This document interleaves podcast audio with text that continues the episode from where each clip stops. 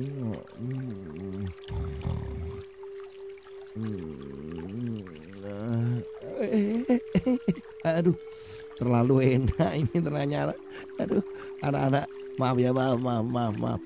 Kak Tony kok jadi keenakan tidur ini. Ya gara-gara ini loh. Ini suara gemercik air yang benar-benar membuat eh, eh, eh, eh membuat anu eh, otak itu jadi tenang, kemudian jadi ngantuk. Hai. Eh, ayo bangun bangun. Ini nih, aduh suara gemercik air ini. Ah, Anak-anak, ternyata memang benar ya suara gemercik air seperti ini nih memang membuat otak itu bisa tenang.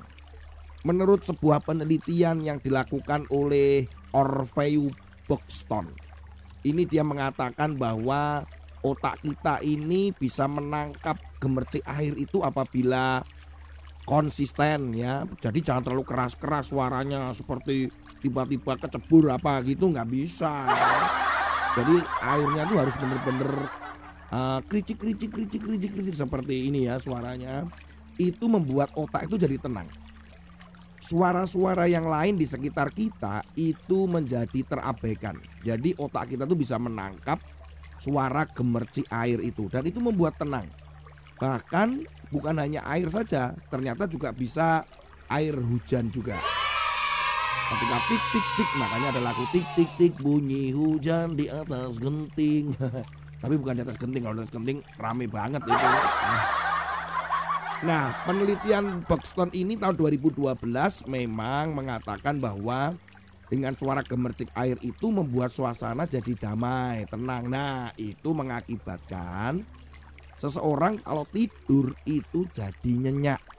Jadi tubuh kita ketika tidur pun menjadi sehat.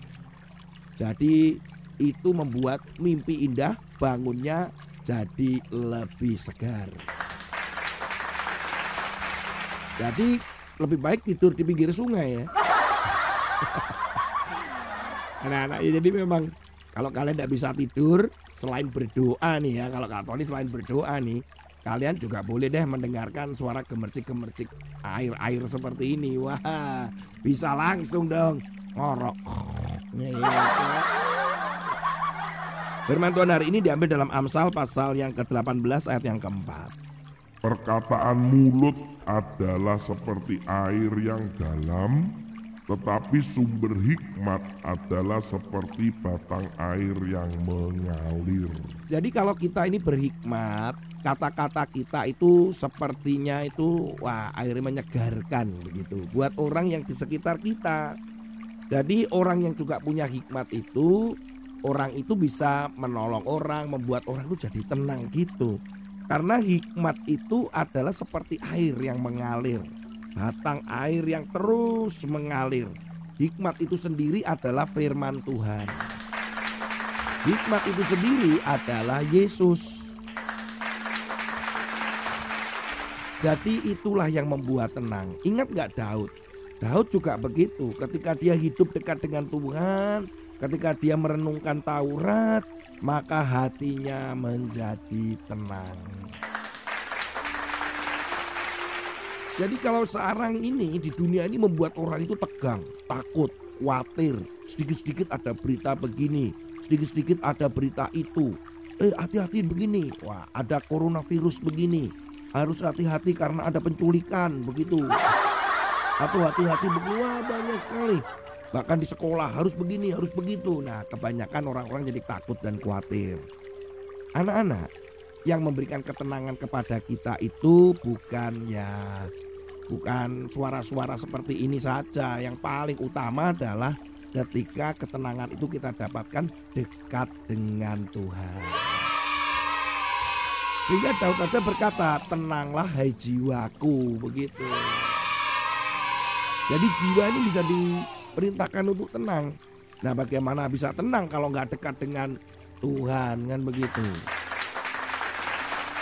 Ingat nggak domba yang hilang juga ketika domba yang hilang ditemukan itu. Itu digendong oleh Yesus loh anak-anak. Digendong di pundaknya. Kemudian bayangkan ketika dia hilang apa dia tidak mengalami ketakutan. Wah pasti mengalami ketakutan itu pasti. mungkin terjebak ini di tengah kegelapan mencari teman-teman yang nggak ada, tapi ketika ditemukan oleh Yesus, Yesus menggendongnya, eh di situlah ada ketenangan. Mazmur pasal 23 juga demikian.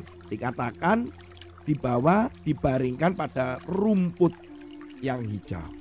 Demikian pula dibawa kepada air yang tenang. Jadi kita ini dibuat tenang asalkan dekat dengan Yesus. Setelah dekat dengan Yesus, boleh juga mendengarkan suara-suara air seperti ini. Jadi ngantuk on gitu. Oke, sampai ketemu lagi ya anak-anak. Jangan lupa tetaplah tenang. Dengan dekat dengan Yesus, karena itulah sumber ketenangan. Tuhan Yesus memberkati. Sampai ketemu pada episode yang lain. Lanjutin tidur. Ah.